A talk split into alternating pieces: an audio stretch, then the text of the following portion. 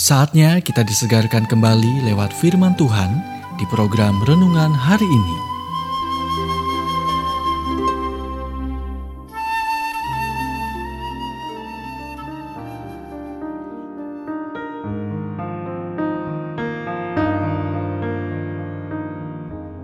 Renungan hari ini berjudul Jangan pernah mengkhianati kepercayaan. Nats firman Tuhan diambil dari Amsal 11 ayat 13.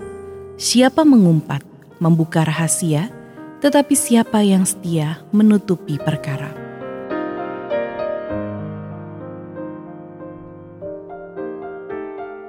Pengkhianatan lebih buruk daripada gosip. Seseorang yang bergosip mungkin tidak secara sengaja hendak menyakiti orang lain tetapi seorang pengkhianat secara sadar memberitahu informasi dengan melanggar kepercayaan. Mereka melakukan pengkhianatan relasional dengan melanggar kepercayaan yang diberikan seseorang kepada mereka.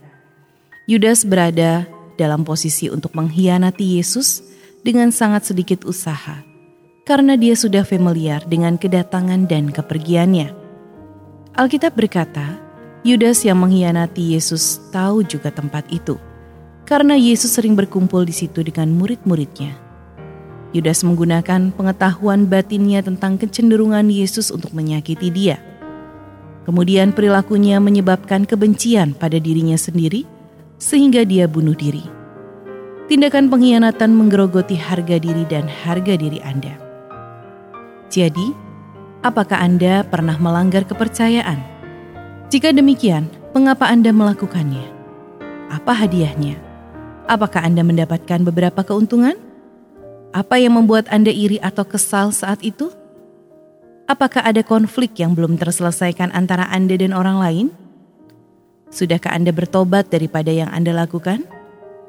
Sebaliknya, apakah seseorang telah mengkhianati kepercayaan Anda? Jika demikian, apakah Anda menuai apa yang telah Anda tabur? Pelajaran berharga apa yang Anda pelajari darinya? Sudahkah Anda membebaskan pelaku di dalam hati Anda dan tidak lagi menginginkan balasan?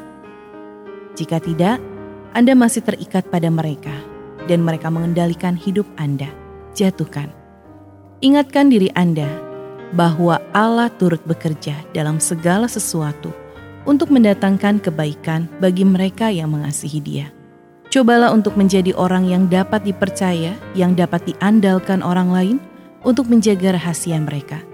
Dan jika Anda sendiri diberkati untuk memiliki teman yang dapat dipercaya, terima kasih Tuhan untuk mereka.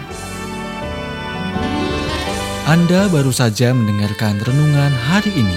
Kiranya renungan ini terus mengarahkan kita mendekat kepada Sang Juru Selamat, serta menjadikan kita bertumbuh dan berakar kuat di dalam Kristus.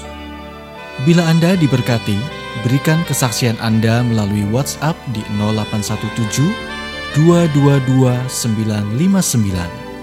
Atau jika Anda ingin memiliki buku renungan hari ini, Anda bisa dapatkan di Radio Suara Gerasi FM, Jalan Setiabudi 31 Cirebon.